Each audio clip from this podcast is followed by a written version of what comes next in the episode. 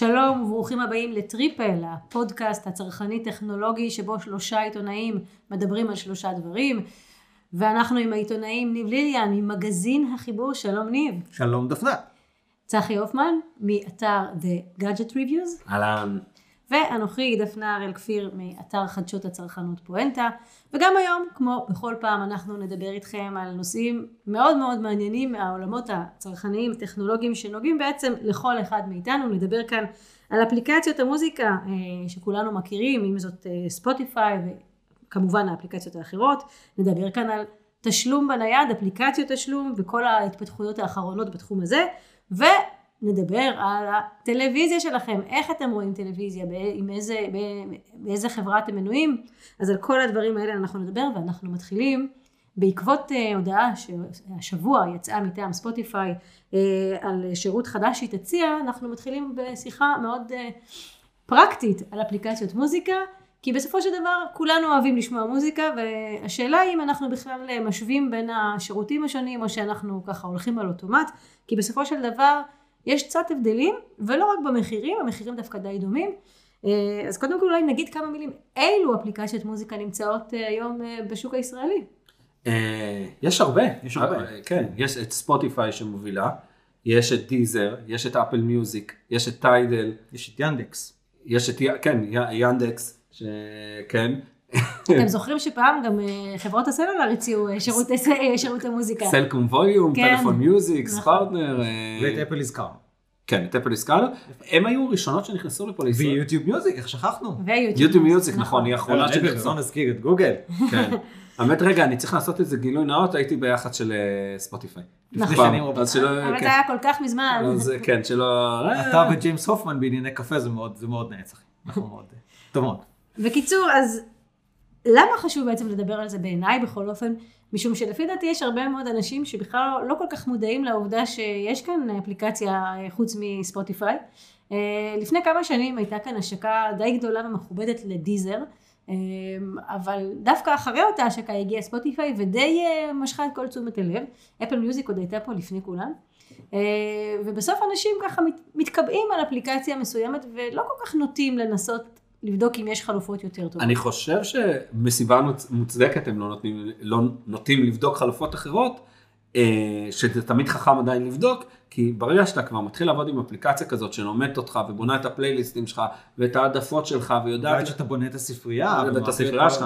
ויודעת להציע לך, יש לספוטיפיי ולדיזר וכל החברות האלה כל מיני מנגנונים של פלייליסטים, נגיד בספוטיפיי Discover Weekly זה כל יום שני, פלייליסטים של שירים שאתה, של אומנים שאתה לא מכיר, או של שירים שאתה לא מכיר, של אומנים שאתה אוהב. אבל אתה עשוי לאהוב. כן. כן, וזה פלייליסט מאוד מצליח, וביום שישי יש להם את ה Release Radar, שזה שירים חדשים של אומנים שאתה אוהב, אז הדברים האלו מאוד לומדים אותך. ואז כאילו עכשיו לעבור לאפליקציה אחרת, שעד שהיא תלמד אותך, זה די מייאש. אה, אבל לפי מה שאתה אומר, אז בעצם אין סיכוי לאפליקציות האחרות ברגע שהתמקדת באחת, ומאחר שספוטיפיי היא הדומיננטית, אז אולי האחרות, הסיכוי שלהם להיטמע פה הוא קטן. אין ספק שזה נכון. מבחינת, כן. מבחינת תחרות, אה, באמת לאפליקציות אחרות באמת יותר קשה להיכנס לשוק, כי ספוטיפיי הפכה להיות איזה מין, איזה מין שם, שם גנרי כמו פריג'ידר למקררים.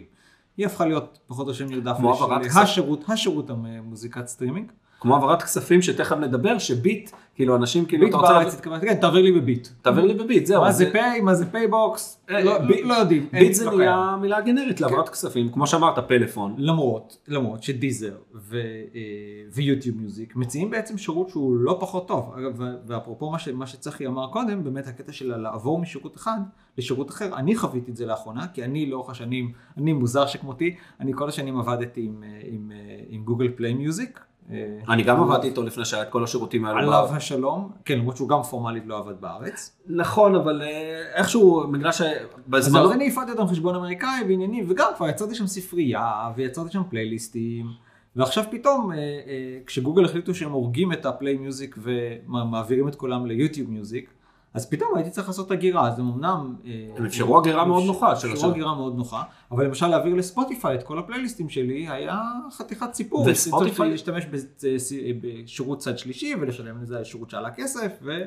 עד כמה. שאני זוכר, ספוטיפיי לא מאפשרת לייצא את הפלייליסטים שלה, שבנית ואת המאגר שירים שלך, ממה שאני זוכר, והם כאילו מאוד חוסמים אותך שתעבור למקומות אחרים. אז אם אתה משתמש זהו. יהיה לך מאוד קשה לעבור לדיזר יש- או ל...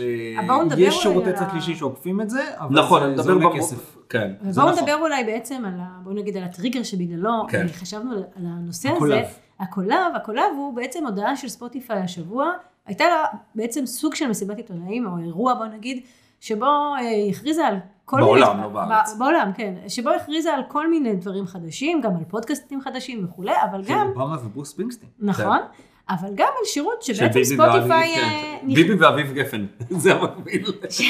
שירות שספוטיפיי נכנסת אליו קצת באיחור, ובכל זאת, אה, למרות שהיא נכנסת באיחור, אנחנו עדיין יודעים שהיא אה, האפליקציה המובילה בעולם בתחום הסטרימינג היא במוזיקה. שחקנית חזקה. השירות הזה זה בעצם. היי-פיי, מה שנקרא, שזה שירות של מוזיקה באיכות מאוד מאוד. מאוד מאוד גבוהה, בלי. לאבד מידע. כן. אז בואו תגידו, בעצם, אתם נסביר חושבים שזה בצ- משמעותי מבחינת המאזינים? אני- אוקיי, אז בוא נסביר בצורה טכנית שנייה. מה ש- זה בעצם השירות? כן. היום ספוטיפיי, וכאילו ברגע שאתה משלם על פרימיום ברוב החברות, אתה מקבל 320 קילו ביט של העברת אה, נתונים, נכון? נכון, קצב דגימה כן. ו- ובאיכות של CD. ובדרך כלל, ב... אם אתה לא משלם, לא בפרימיום, אז זה בדרך כלל 144 אני חושב, משהו כזה.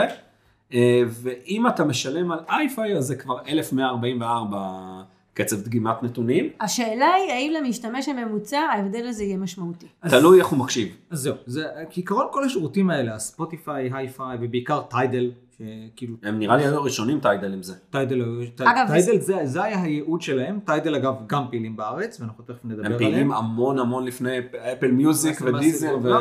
אבל כל השירותים האלה הספציפיים, וגם גם לדיזר יש, אה, יש שירות, אה, שירות פרימיום- פרימיום מהסוג הזה, אבל מה הקטע עם כל השירותים האלה?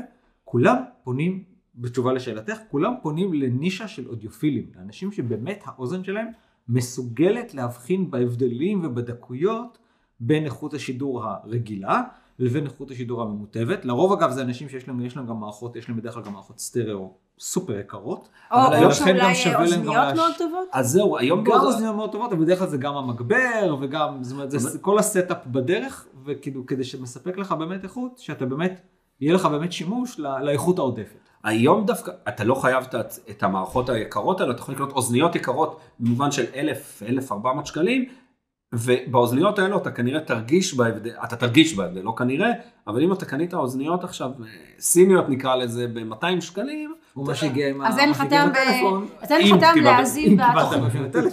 אז אתה לא תרגיש אז אין לך. טעם להצטרף לתוכנית פרימיום הזאת, כי אתה לא תרגיש בהבדל. זה מתאים לקהל, כמו שניב אמר, נישתי, נישתי אבל רחב, אה, שמי שכבר השקיע באמת על, קנה את האיירפורטס מקס של אה, אפל, את האוזניות היקרות האלו והשקיע את הסכומי כסף הגבוהים האלו, אז כאילו, לפחות שיהנה מהסאונד שהן יכולות להוציא, אז כן כדאי לו להשקיע. רוב הסיכויים שאם הוא קנה אוזניות של אפל, יש לו אייפון ומשתמש באפל מיוזיק, אז הוא לא ייהנה. מזה. מי ש- מי שקנה אוזניות כאלה, הוא גם- הוא גם מכיר את השירותים האלה, כי הוא סוג האנשים שגם- שגם השקיעו, אם השקעת באוזניות כאלה, אז כנראה שאתה כנראה שאתה גם מחפש את השירותים האלה מראש. בואו נגיד מילה. על המחיר.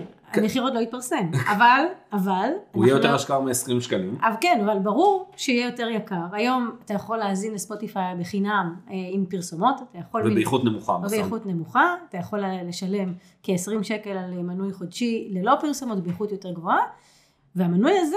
יש אה, גם מנוי משפחתי. נכון, יש מנוי משפחתי וזוגי, שזה סוף סוף גם הגיע רק לפני כמה חודשים, והמנוי הזה שאנחנו עוד לא יודעים כמה הוא יעלה, הוא יהיה יותר יקר, אם נשווה אותו, שמה שספוטיפיי שנכנסו לארץ ישבו את המחירים שלהם למתחרות, אז דיזר גובים שירות פרימיום 20 שקלים, ו-29 או 30 שקלים על ה-iFi. וטיידל 40. כן, אבל נעזוב שנייה, טיידל זה שירות לסנובים, אז אה, כנראה, יש לך עכשיו כמה סנובים שיעלבו. אה, לא, אני גם שילמתי, הייתי מנוי כמה פעמים ל- לטיידל, אחלה, אבל הוא... שירות מצוין, אבל שוב, זה גם, הוא גם מוציא, הוא גם, גם מאפשרים לך גם להקשיב בקבצים שהם פלאק, שזה פורמט שהוא בעצם לא דחוס בכלל, אבל אה, כן, זה באמת שירות שבאמת נועד ויש לו ל- 360. להיות דבר. שנייה, תכף נדבר על 360, אולי כדאי להוסיף אה, דקה לפני שנסיים את זה. כן. אז בקיצר, דיזר גובים 29-30 שקלים, כנראה זה מה שספוטיפיי גם יגבו על השירות הזה עוד 10 שקלים, אה, ומי שרוצה ייהנה מזה.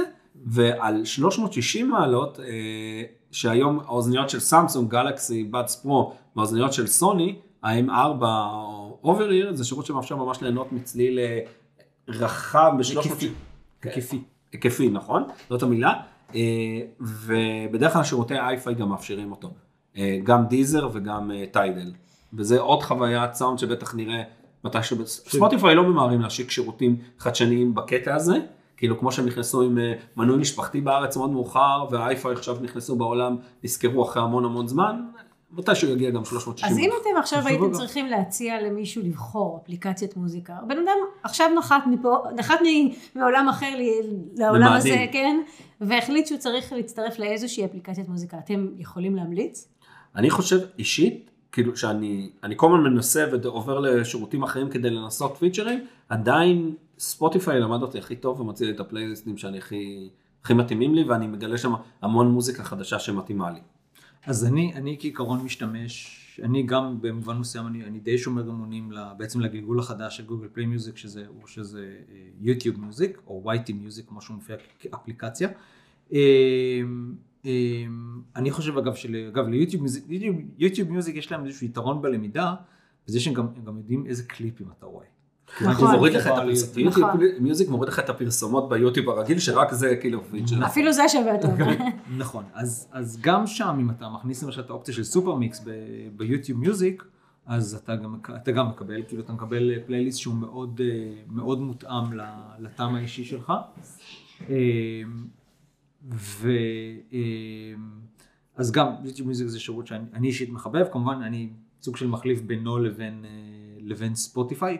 ספוטיפיי בהתחלה בשבילי היה קצת זר, כי אני בניגוד להרבה אנשים שעוד התחילו להשתמש בספוטיפיי עוד כשהוא היה בחו"ל ודרך VPN ועניינים, אני פשוט השתמשתי אז בגוגל פי מיוזיק, ובהתחלה כשהתחלתי להשתמש בו היה לי קצת מוזר, אבל האמת שכמו שצחי אמר, הוא מהר מאוד לומד אותך, מהר מאוד יודע להציע לך מוזיק, מוזיקה שאתה באמת אוהב או אוהבת, ו, אה, וזה זה יתרון גדול של, של ספוטיפיי, אבל having said that, אני חושב שצריך לתת גם צ'אנס נגיד גם לשירותים כמו דיזר, ואני כן רק אעיר עוד הערה שבאמת אה, לגבי העניין של השירות באיכות היי-פיי, אז חשוב לציין שאמזון ואפל עדיין לא מספקים את השירות, את השירות הזה, ויש דיבור בתעשייה שיכול להיות שהצעד של ספוטיפיי ידחוף גם אותם לשם. ואמזון מיוזיק בעצם לא עובד בארץ בצורה רשמית. כן. אז זה לא... נכון, אבל אני, לדעתי אני בתור מישהו שיש לו מנוי פריים, אני חושב שהשתמשתי בו איזה פעם או פעמיים, גם הממשק של... אבל יש לך פריים בגלל שאתה מנוי בחו"ל. כן, הוא ביצה ותרנגולת. אני יכול, רק הערה לפני הסוף, אני נזכרתי בשירות אייפיי בגלל אה, שספוטיפיי השיקו את זה ועכשיו עברתי קצת לדיזל.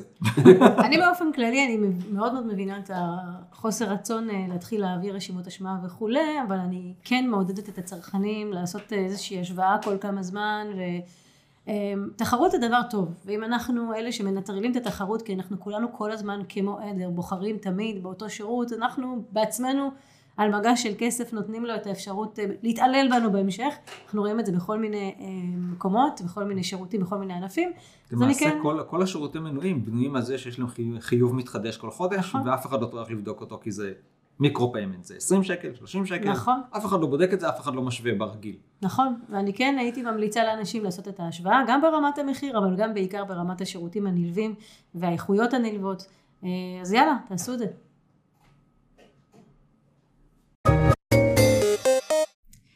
ועכשיו בואו נדבר על איך אתם משלמים כשאתם קונים אה, בחנויות בזמן האחרון, ושימו לב למהפכה שאנחנו ממש נמצאים בעצם עם בעיצומה. הסמארטפון. כן, אנחנו ממש נמצאים בעיצומה של מהפכת תשלומים, וזה נשמע קצת קלישאתי, אבל בעיניי זה לא. אה, כי היו פה המון המון המון שנים ששלפנו את כרטיס האשראי, וזהו, והתקופה הזאת הולכת העברנו ומסתיימת. אותו בפס המגנטי. נכון. היום נוגעים איתו. היום כן, פשוט הוא מרחף לו מעל, ה, אה, מעל המסוף, ובעצם הטריגר לאייטם הזה, מאחר שאנחנו כבר עשינו פה כמה פרקים שבהם דיברנו על אפליקציות תשלום, אבל יש לנו סיבה טובה לדבר על הנושא הזה שוב, הטריגר שלנו הפעם הוא ביט, ביט שהיא אפליקציית תשלום שאנחנו כולנו באמת התרגלנו וגם הזכרנו אותה קודם, אה, לשלם באמצעותה בעיקר אה, לאנשים פרטיים, בהעברות. אבל עכשיו בהעברות עסקים.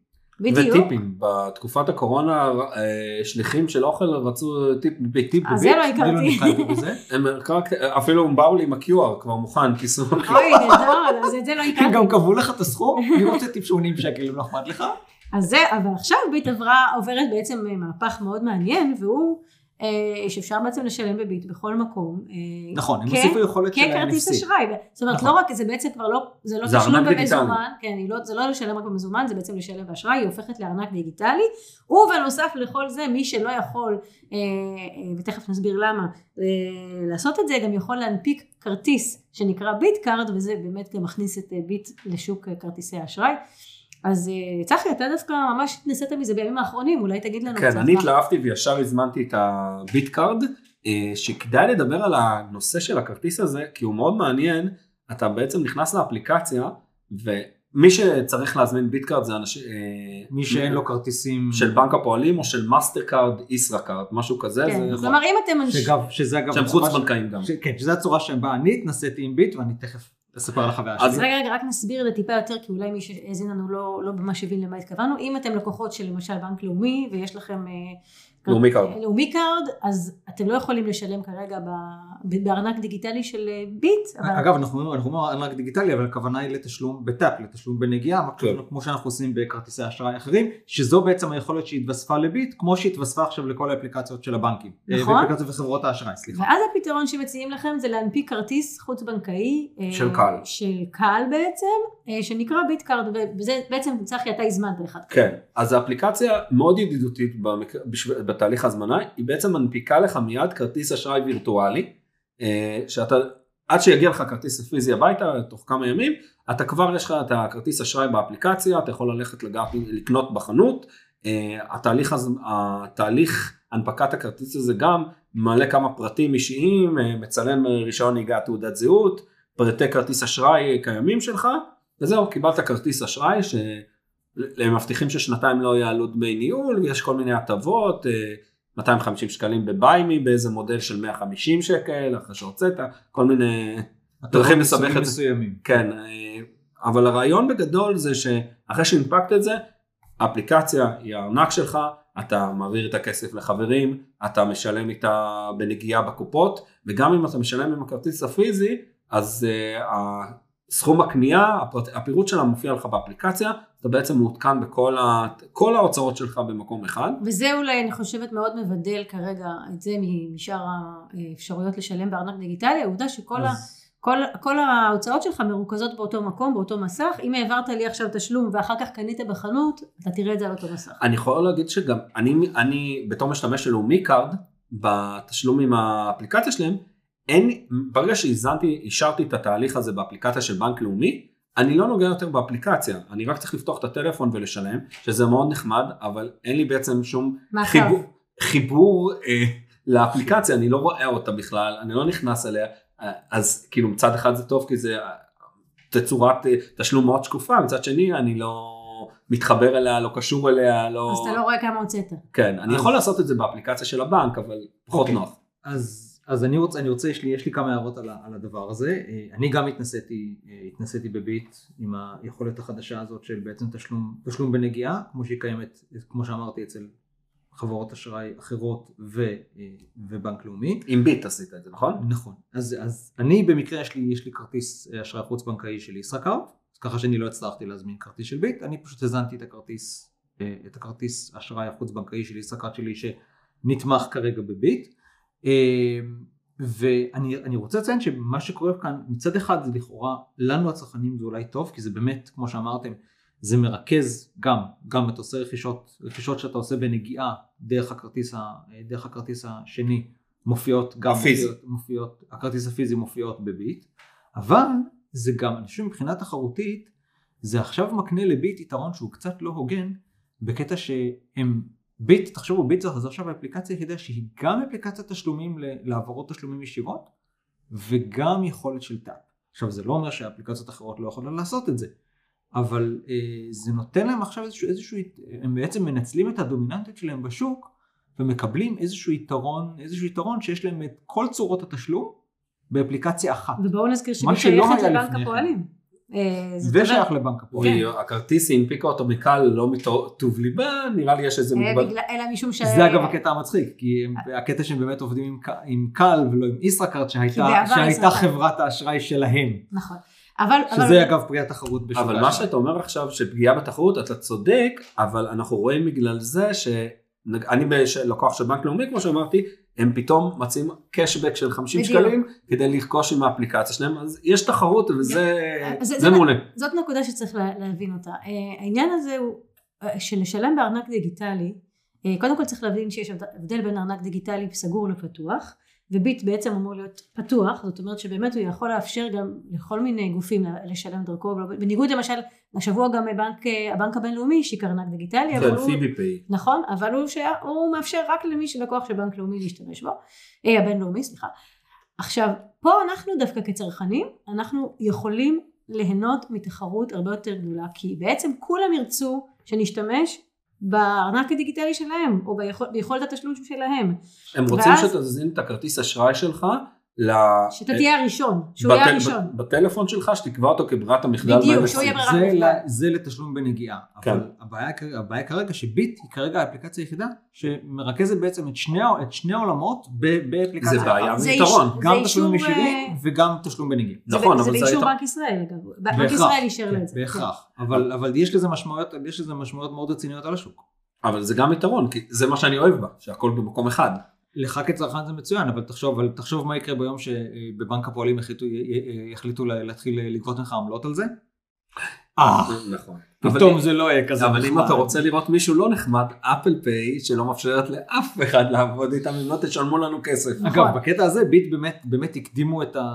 הקדימו את ה... הקדימו תרופה, הקדימו תרופה למכה, בזה שהם אה, מנסים להקדים, כאילו אחת הסיבות נראה לי שהם יצאו עכשיו באמת עם האפשרות של ה tap בתוך, תשלום בנגיעה בתוך ביט, זה בגלל הכניסה של אפל פיי, אה, כן. שאמור להיות, אנחנו כל הזמן אומרים שזה יהיה שבועות, אנחנו בפרקים קודמים לא. של, של טריפל אמרנו שזה יהיה של שבועות, וזה עדיין שבועות. כן, אנחנו צריכים רגע לחדד את העניין הזה, כל מה שאמרנו הוא בכלל רלוונטי רק למי שאין לו אייפון, זאת אומרת זה רק למי שיש לו מכשיר אנדרואיד, כי כרגע בכלל בעלי אייפון הם מחוץ למשחק הזה ברגע, כן. בשלב הזה. כי אפל חוסמת את ה-NFC רק לשימוש באפליקציה שלה, אפל פיי, שלא זמינה בארץ. שירות יותר מאשר אבל אני חושבת. שהגיע גם אולי הזמן להרחיב טיפה בכלל העניין של ארנקים דיגיטליים, כי בסופו של דבר זה נושא מאוד חם שקורה עכשיו, אז הזכרנו כרגע את ביט והזכרנו גם את הבנק הבינלאומי, אבל בעצם אה, שימו לב מה קורה פה, שופרסל גם הודיע על ארנק דיגיטלי. עם פייבוקס. עם פייבוקס לפני כשבועיים שלושה. רמי לוי היא עוד לא, התחילה, נכון? נכון, אבל זה צפוי לקרות ממש לא עוד הרבה זמן. רמי לוי גם הולך לעשות מהלך כזה. אנחנו, כולם אגב יהיה תמיכה בתשלום בנגיעה? קצת סביר להניח שכן. אה, רמי לוי זה יהיה ארנק בשקל. אז אלה יהיו, ארנק בשקל. אז אלה יהיו, אלה יהיו בעצם השירותים שבעצם יתחרו בביט. נכון, שעכשיו כבר עושים את זה. נכון, אז תהיה פה תחרות מטורפת בעצם, אה, ו- וזה, פייבוקס היא יכול, יש לה יתרון עם אה, שופרסל שהם גוף ענקי ופייבוקס אה, כמעט בכל אה, ועד אה, בתי ספר של כיתות תמיד משתמשים. פופולרי בגני ילדים כך בג- שמעתי. כן, בגני ילדים ובבתי ספר זה האפליקציה שאצלי עם הילדים ברירת. המחדל, כן. כן, ברירת המחדל שהם משתמשים בה. אה, זו אפליקציה שיש לה יתרון להיות... אה, אין ספק, אני חושבת ש... ותחשבו שכל הדברים האלה גם מתחברים באופן כזה או אחר לאייטם אחר שדיברנו עליו פה, וזה על תשלום בתחבורה ציבורית. הציבורית, בדיוק, שזה החלק המשלים, כי הקבוצות האלה הן גם הקבוצות שמספקות את השירותים לתשלומים בתחבורה אבל הציבורית. אני היום לא יכול לשלם עם ביט או עם מישהו אחר בתחבורה ציבורית. נכון, יש הפרדה, אבל לדעתי היא מאוד מלאכותית. זאת אומרת, נקודה, באיזושהי נקודה הם פשוט יעבירו גם את זה לשם. זה אחלה, היום אני, אני משתמש בסלו פארק וראיתי שמציעים לי כבר אה, לשלם תחב, בתחבורה ציבורית, אז ואתה יכול לשלם, בפנגו אתה יכול לשלם על דלק, נכון. זה, הופ, זה הופך להיות מגה. מגה אפליקציות, נכון, ש- מגה אפליקציות. שמרכזות לך בעצם את כל החיים שלך, אבל גם תחשבו גם על- פתאום על היבט הפרטיות, של כמה מידע הם מחזיקים. אז יפה, אז כשדיברתי על בנק ישראל, אה, הוא הוציא מסמך ממש כמה שעות לפני ש... או לפני או אחרי, אני כבר לא זוכרת שביט פרסמה את ההכרזה שלה, על הרגולציה מבחינתו של הנושא הזה, ואסור לאפליקציות הזה, האלה לחלוק מידע, להעביר מידע, לשתף מידע, בואו נראה, בואו נראה אם יעמדו בזה, בסופו של דבר הולך להצטבר אצלם המון המון המון מידע, אז בואו נראה באמת כמה הפרטיות שלנו תישמר. לנו כצרכנים אה, הולך להיות מאוד מעניין, אה, בעצם במה מתבטאת התחרות בין האפליקציות האלה? בדרך כלל הן מציעות הנחות או, פי, או מה שנקרא cashback לשימוש חוזר. אה, צחי כבר אה, התחיל לחפש את ההטבות שמגיעות לו בביט card כי בעצם כל שימוש אתה אמור לקבל איזשהו החזר. אז במעט מאוד מקומות, כאילו יש, בביטקארד הוא נותן לך במקומות הפופולריים זה וולט, אה, מוניות גט, אה, סטימצקי. אבל שוב, למשל וולט, אוקיי? הטבה בוולט זה משהו שאנחנו לא שמענו עליה עד היום. לא הייתה הטבה בוולט דרך כרטיסי אשראי וכ- וכולי. אז כן, היה אתה רואה... אולי מבצעים נקודתיים כן. אז, אז, אז מהבחינה הזאת התחרות מתחזקת, מתחממת, משתכללת, ולנו כצרכנים זה טוב. נקווה שבסוף באמת לא יהיה מצב שהכל יתנקז באמת לשניים שלושה גופים גדולים, ואז, ואז חבל. עולם חדש אמיץ. ועכשיו בואו נדבר קצת על טלוויזיה, אנחנו אחרי תקופה שבה ישבנו כל כך הרבה מול הטלוויזיה, וצפינו בכל כך הרבה תוכן שאי אפשר לא לדבר זמן. איכות עם הטלוויזיה, זמן תקראי לזה. איכות, בוא נגיד. אז אה, כמו טלוויזיה זה שאנחנו... כזה פתאום, אה, אתה לא כל היום בעבודה עכשיו, פתאום אתה מתייחס אליי. לא, לא, אני מתייחס, אני עובד מהבית, אני מתייחס אליה גם. צחי מתייחס לטלוויזיה הכי טוב שאפשר. אז בעצם, שוב, אנחנו בכל פעם מסבירים מה מניע אותנו לדבר דווקא על זה, דווקא עכשיו, אז הפעם אנחנו מדברים על טלוויזיה בהיבט של מחירים ושירותי הטלוויזיה בישראל, חברות הטלוויזיה העיקריות, אה, כשהטריגר שלנו זה החלטה של הוט לייקר את התעריפים. אה, תעריפים על מה, תגידי. אז זהו, עכשיו, מה, מה הולך להתייקר? ערוצי הספורט וה-VOD. עכשיו, כשאני ראיתי את העניין הזה שהוט מייקרת את אה, דמי השימוש ב-VOD, אני כאילו, באמת, הפה שלי נפער, כי באמת, מה זה, מי משלם היום על הזכות לצפות ב-VOD? ושלא, תבינו, מדובר פה בסכום מטורף. עד עכשיו זה עלה לוקחים על זה? 35 כמה שקל בחודש. על עצם השירות, על השימוש ב-VOD. וממרץ זה יעלה 40 שקל בחודש, על עצם השירות. עכשיו, כל סרט שסוחר עולה לך עוד 25 שקלים. זאת אומרת, זה סכום מופרע. עכשיו, תבינו, היום לעשות אה, מנוי לסטינג TV, או לנטפליקס, או לפרטנר TV, עולה... או לסלקום TV. אבל זה כן, היום אתה מצטרף לפרטנר TV ב-69 שקלים, אוקיי? אז תחשוב שאם אתה משלם להוט רק 40 שקל על הזכות שיהיה לך VOD ועוד 25 בזמן ש- שקל לסרט, בכל שאר השירותים, VOD זה כאילו, זה חלק מהשירות. כמה עולה השירות, שירות טלוויזיה שלהם של הוט? אז זהו, עכשיו פה אנחנו מדברים, גם ככה הוט היא כבר לא חברה זולה. אם אתם אה, זוכרים, פעם, פעם, פעם, הוט הייתה האחות הצעירה והיותר זולה של בזק ושל יס ושל כל ה... של קבוצת בזק. היום זה לא ככה. הוט היא או. לא חברה יקרה, היא לא חברה זולה, היא חברה יקרה גם ככה. לא מאוד התכוונתי. יס, חברת בת של בזק. לא, אני יודעת שפעם הוט הייתה האחות הצי... האחות המרדנית במשפחה, הבנתי. כאילו, של... וה... והזולה יותר. אחות הייתה פעם מרדנית? כן, כן. פעם... מוריד אותו בשירות לקוחות מתי. זה היה בתקופת האבן? היא אפילו קיבלה, אז הרבה שנים היא נהנתה מהצ'ופר הזה, שבגלל שהיא הצעירה והבועטת והאנדרדוג, השבעה, כן. מול, כן, מול בזק ויס, אז היא יכולה להציע טריפל ואחרים לא, זה היה הרבה שנים ככה. היוצרות התהפכו. אז זהו, אז עכשיו, אני חושבת שזה הזמן לדבר קצת עם הצרכנים על האופציות האחרות שיש להם. רגע, אני- לפני, ה... לי. לפני זה, את הזכרת את ה... שעוד גובה כסף על VOD.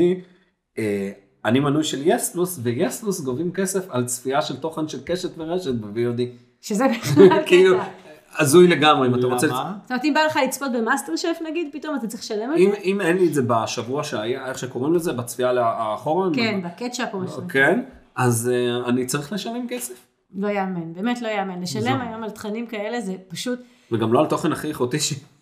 אני חושבת שזאת מנטליות כל כך לא הולמת את העידן והם לא, את זה, הנוכחי. ב- הם לא גובים את זה בסטינג, הם פשוט ביס, כי בא להם.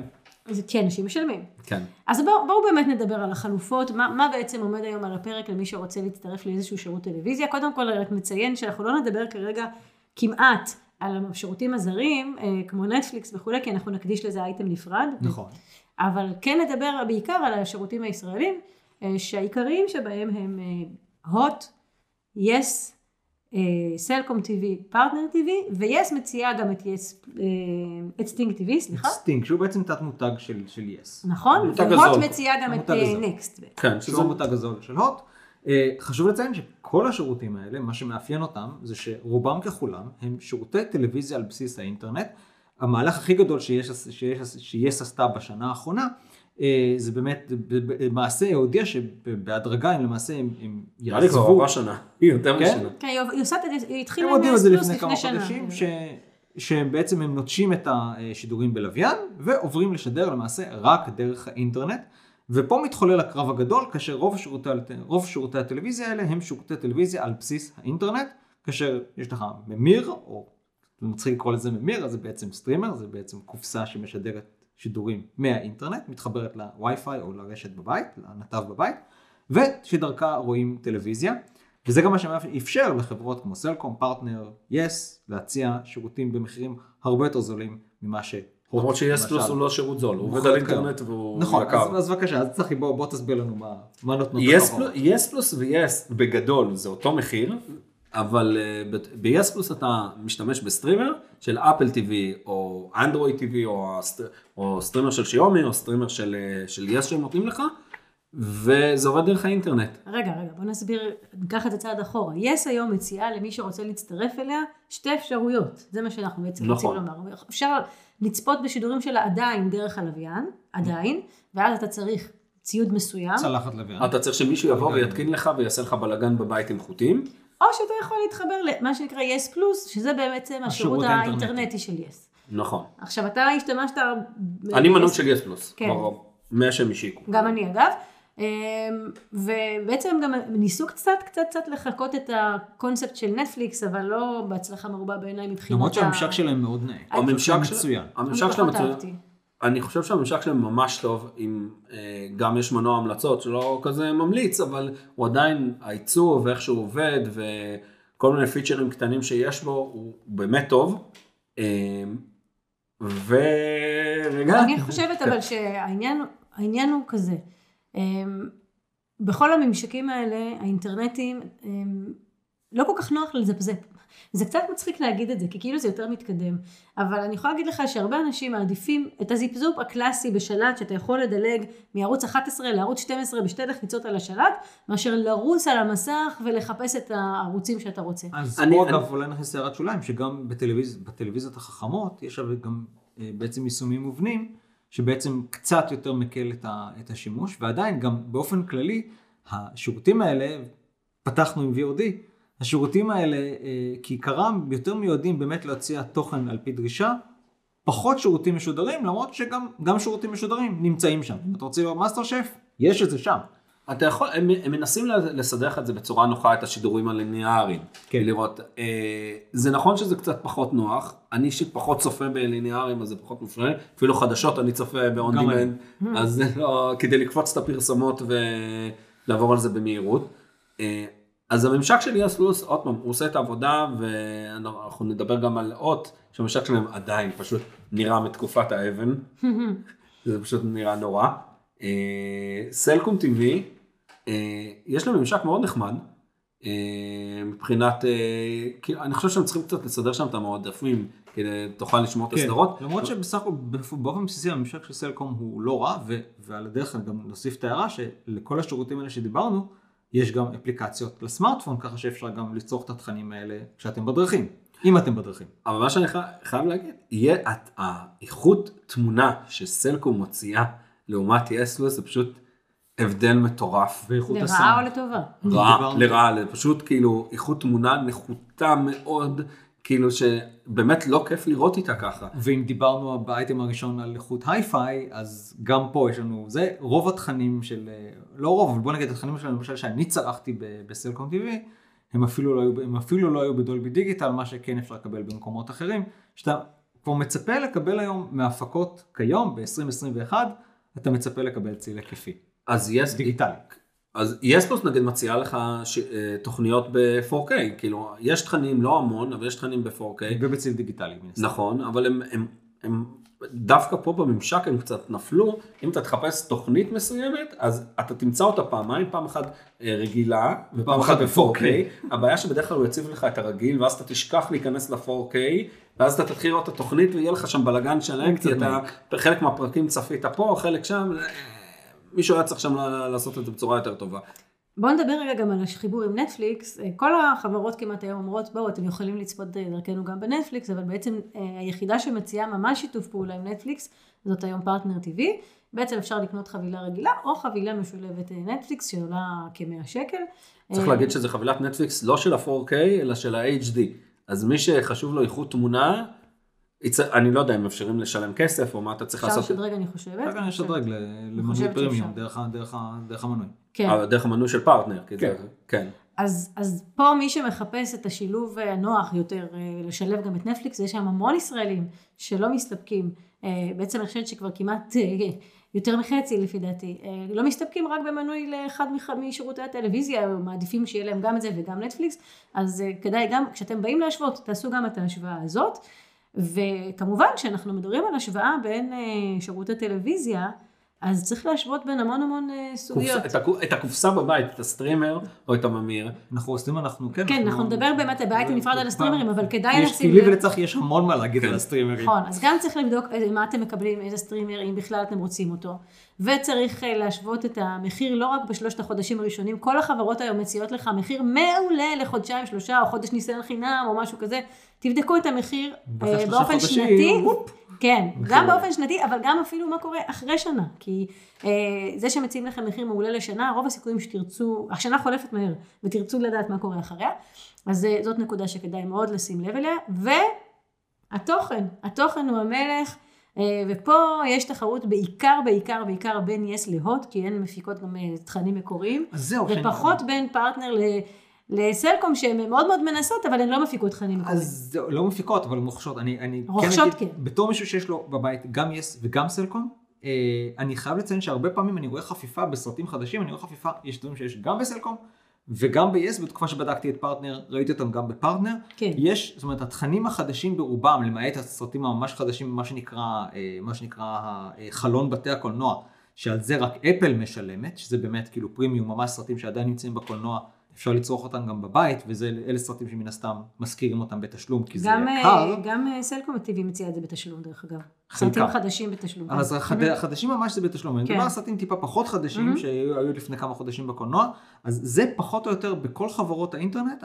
אני פחות או יותר רואה שם איזה, ולכן, אקוויליבריום. אתה צודק, ולכן הם מתחרות ביניהן, בעיקר הוט ויס, על, על הפקות מקור בעברית. ואתה אתה, מראה- אתה רואה שנגיד הוט יש לה את אה, מחוברים, מצולמים, כל העניינים האלה שאנשים מאוד אה, אוהבים ומוכנים בשביל זה להישאר אפילו בהוט אולי. אה, ולעומת זאת ב-yes בזמנו, סדרת הדגל שלהם הייתה כמובן פאודה ויש להם עוד כמה סדרות. זאת אומרת, יש להם סדרות מצוינות, כבודו סדרה מעולה, כן. שעשו לגרסה האמריקאית. יש להם, אנחנו יכולים לברך על זה שהם, שהם מתחרים על תוכן, נכון, על תוכן נכון, ישראלי. נכון. אני חושב. ולשמוח בשביל ספק. שאפשר לראות שההבדל בין יס לאות, שיס עושה תכנים כמו פאודו וכבודו שהם קצת יותר איכותיים כן, מאוד מאוד מהבוזגלוס שיש והוט בהוט. עושים אה, תכנים- מחוברים תכנים. פושט, כן. כן, אבל כנראה לכל אחד מאלה יש את כן, הקהל זה של העדפות זה. האישיות שלו. אה, אז- יס אגב תמיד פנו לקהל יותר מתוחכם, עוד עוד מיום לידתה. ויס גם מאוד חזקים ברכש, בסדרות רכש כאילו. נכון. ובפרטנר, אני, חסר שם המון סדרות ישראליות, תוכן רכש, הם פחות חזקים, אני רואה, את- בעיקר מקדמים תוכן טורקי. שמישהו אוהב את התוכניות טורקיות, אחלה, סבבה, הכל בסדר, אבל אין להם HBO, אין, כאילו, באמת, כאילו, ניסיתי לעבוד איתם כמה פעמים בסקירות שעשיתי, וכמעט שלא מצאתי שם תוכן. שלא לדבר שהממשק שלהם ממש ממש איטי. זה כן, כאילו, אבל זה נדבר נראה לי אולי באייטם של הסטרימינג. כן. אבל באמת... אה, וזה אם לא קשור אנחנו- לסטרימינג, זה הממשק שלהם ככה, הוא איטי. נכון, נכון. לא, אבל אם, אה, אני אומרת, אם אנחנו באמת רוצים קצת לתת לאנשים כלים איך לבחור, אז באמת, כשבוחרים חב- אה, חבילת טלוויזיה, יש המון המון מרכיבים. זה, זה באמת, זה מורכב, זה מורכב מהתוכן, וזה מורכב מהמחיר, וזה מורכב מהציוד, וזה מורכב מהממשק. ואני אוסיף פה עוד נדבך שבעיניי הוא לא פחות חשוב, וזה השירות.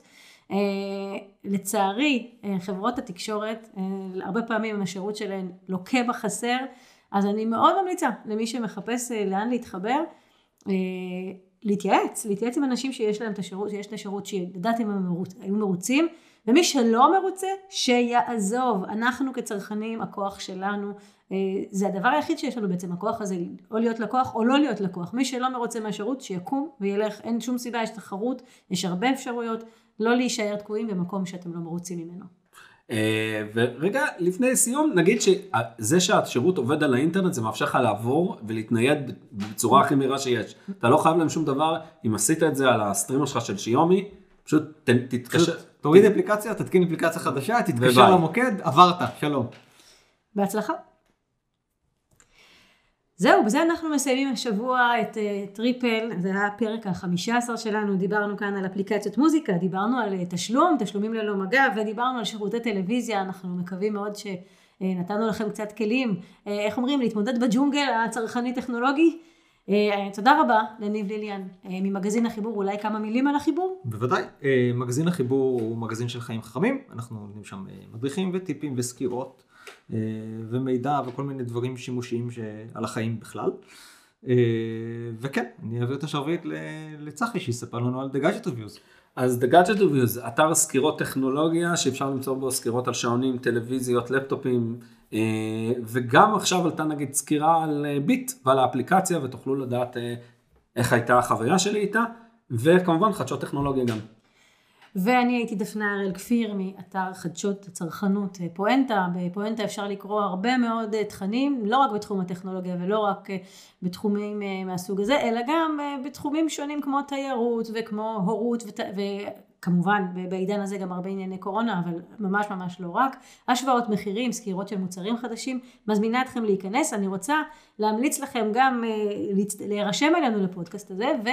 אה, להיכנס אלינו גם לפייסבוק שלנו, לכל אחד מאיתנו יש גם אה, עמוד פייסבוק, תיכנסו אלינו שם, תעקבו אחרינו בטלגרם, לכל אחד מאיתנו יש גם אה, ערוץ טלגרם פעיל, אז תעקבו אחרינו בכל המקומות האלה ונשמח לשמוע מכם גם רעיונות לפודקאסטים, לפרקים הבאים שלנו. לא נסיים לפני שנודה לחברת בי קונקט שמייבאת הנה את ג'יילה במיקרופון שאיתו אנחנו מקליטים את הפודקאסט הזה. תודה רבה שהייתם איתנו, ניפגש גם בפרק הבא. We'll